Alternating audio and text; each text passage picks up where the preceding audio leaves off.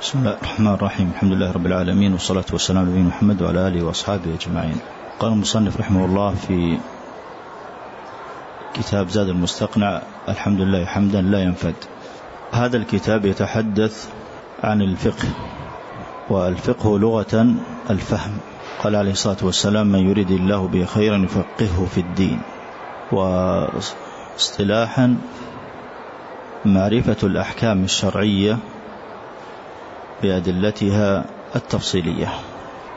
وعلم الفقه هو أكثر احتياج الناس إليه بعد العقيدة. فيحتاجه المرء في جميع شؤونه من عباداته ومعاملاته.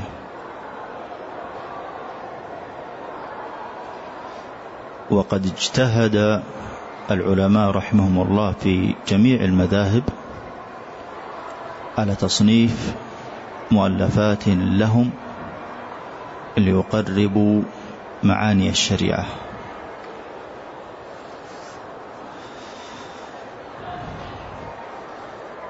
وقد تنوعت كتب الحنابلة في التصنيف إلى أقسام. القسم الأول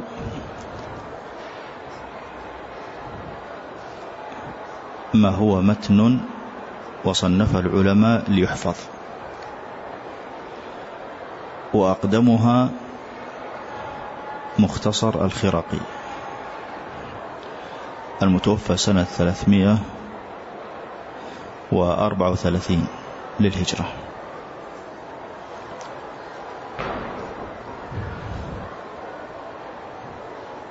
ومنها أيضا كتاب الهداية للكلواذاني والمحرر.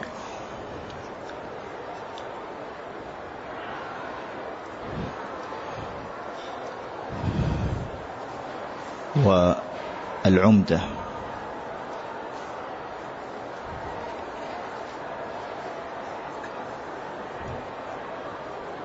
ودليل الطالب.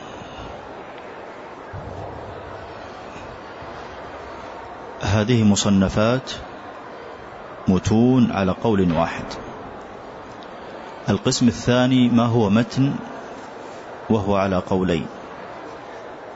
يعني يذكر ما فيه روايتان.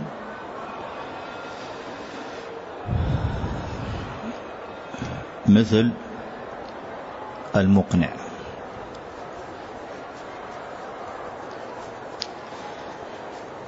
القسم الثالث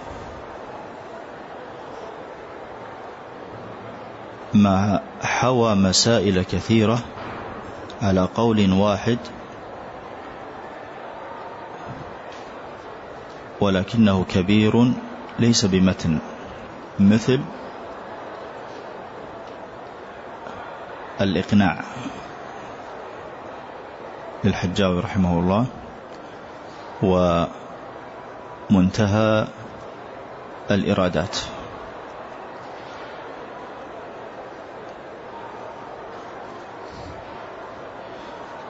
القسم الرابع وهذا القسم الثالث على قول واحد. القسم الرابع ما هو شرح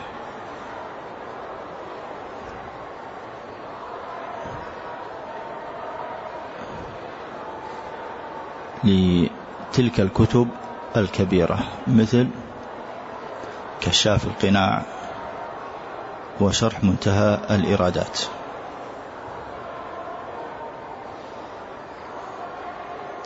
القسم الخامس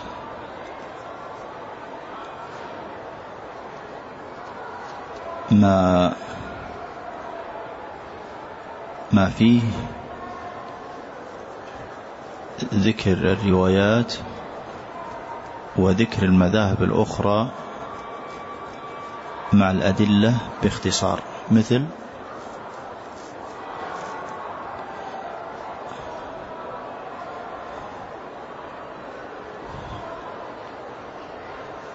الفروع لابن مفلح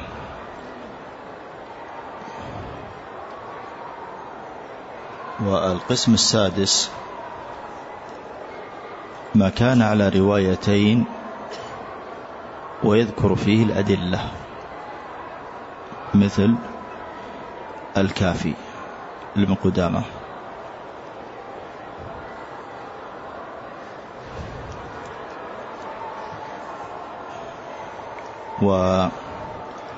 والقسم السابع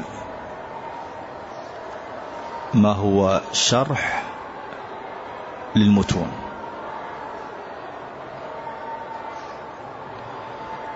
مثل المغني شرح المختصر الخرقي وتوسع فيه وجعله المذاهب الأربع الأربعة مع الدليل والترجيح. ومثل شرح الزركشي أيضا لمختصر الخرقي.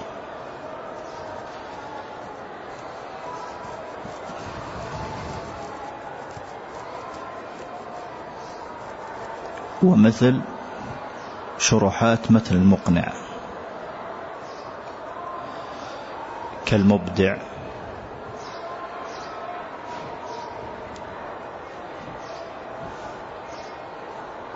والإنصاف والشرح الكبير.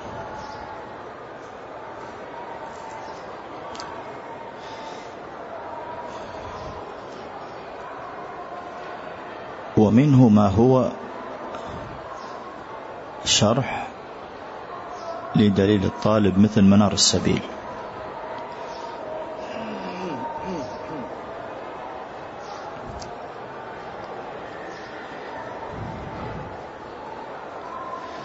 ومثل الروض المربع شرح زاد المستقنع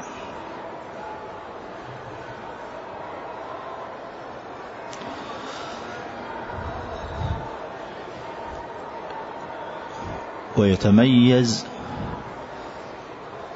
هذا المصنف المتن وهو زاد المستقنع بعدة أمور. الأمر الأول أنه مختصر للمقنع.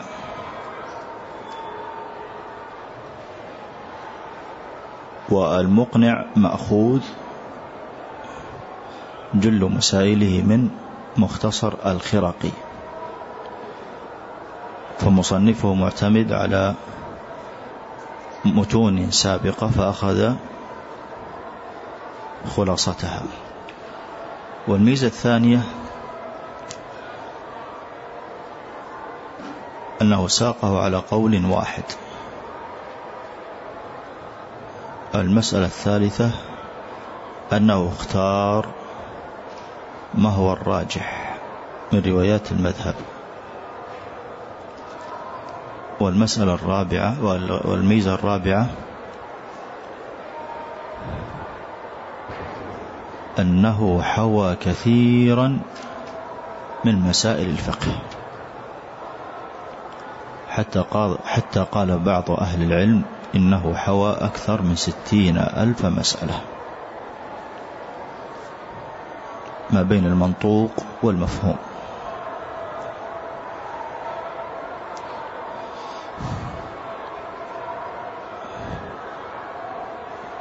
فهو أشمل وأتقن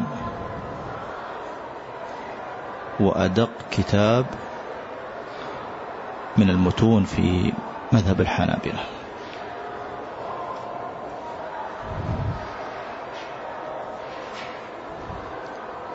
وأما شروحاته فلا نعلم له سوى شرح واحد قديم وهو الروض المربع للبهوتي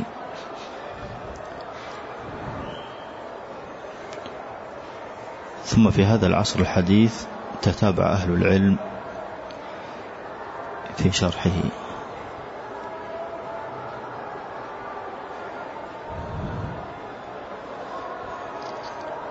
وأما مصنفه فهو موسى فهو أبو, الح...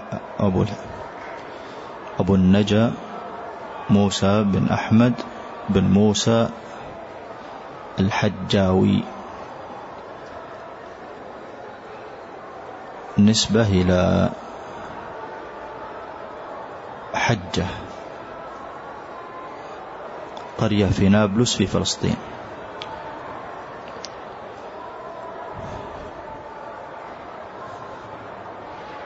وقد عرف عن المصنف رحمه الله حسن جمعه للمسائل.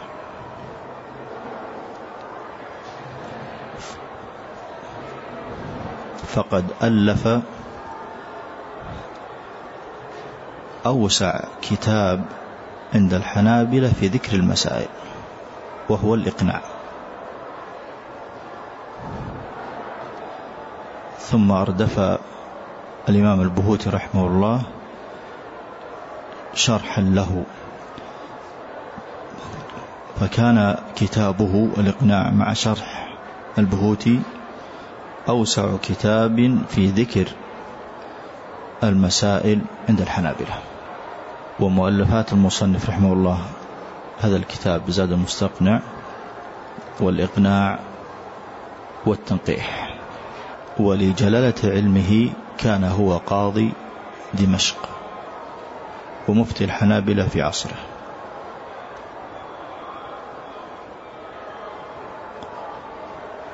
وكان رجلا عابدا صالحا فقيها.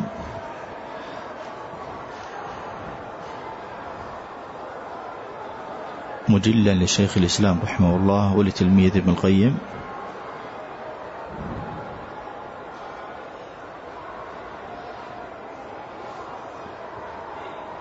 وقد توفي رحمه الله سنة تسعمائة وثمانية وستين. وأما, وأما اسمه هذا الكتاب فلم يسمه المصنف رحمه الله. وإنما سماه النساخ أو بعض أهل العلم كالبهوت في الروض باسمين منهم من سماه مختصر المقنع.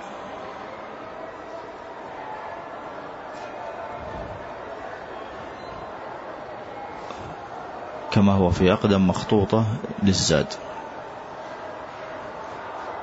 ومنهم من سماه الزاد المستقنع في اختصار المقنع. ومن حفظ كتابه زاد المستقنع تأهل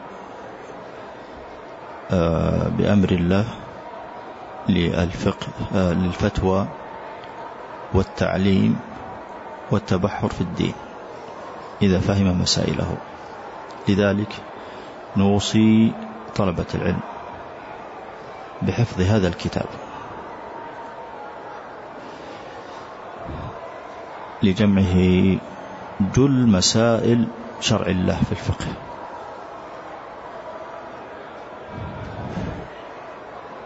ليعرف المسلم ما أمره الله عز وجل به من أمور العبادة والمعاملات. قال المصنف رحمه الله في أوله بسم الله الرحمن الرحيم. البال الاستعانة والتبرك أي أستعين وأتبرك. بسم الله في تأليف هذا الكتاب راجيا نفعه. والله علم الأعلام. ولا يطلق هذا الاسم إلا عليه سبحانه.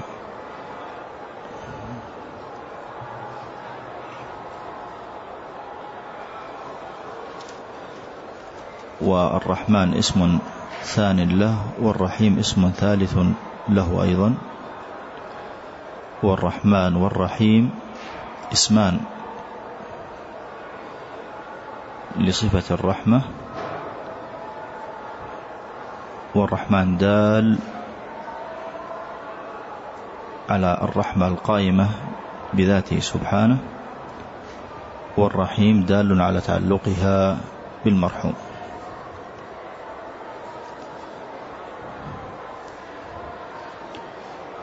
ثم قال الحمد لله. حمدا لا ينفد. الحمد لله ألف واللام للاستغراق. أي جميع المحامد لله. والحمد ذكر محاسن المحمود. مع حبه وتعظيمه. حمدا هذا مفعول مطلق. أي أحمده حمدا كثيرا لا ينتهي. ولا يقيد. لا ينفد يعني لا ينتهي. أفضل هذا وصف للحمد. وصفه أفضل ما ينبغي أن يحمد. يعني أحمده سبحانه بأفضل حمد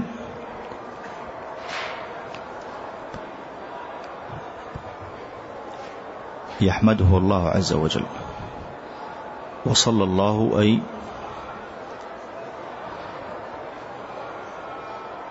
أسأل الله أن يثني على النبي صلى الله عليه وسلم. وسلم أدعو الله أن يسلم النبي صلى الله عليه وسلم من كل آفة ومكروه.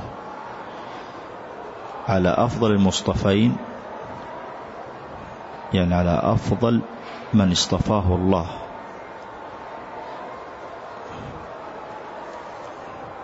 وأفضل من اصطفى الله الأنبياء والرسل وأفضلهم محمد. على أفضل المصطفين محمد وعلى آله. الآل إذا أطلق فالمراد به كل من كان على دينه عليه الصلاة والسلام.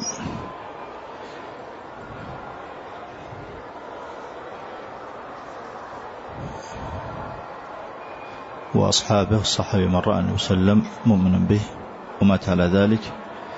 ومن تعبد أي أدعو الله أن يثني وأن يسلم على كل من عبد الله في الأرض.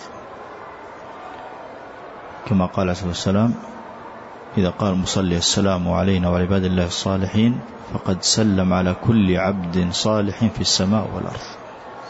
نعم الله أعلم صلى الله عليه وسلم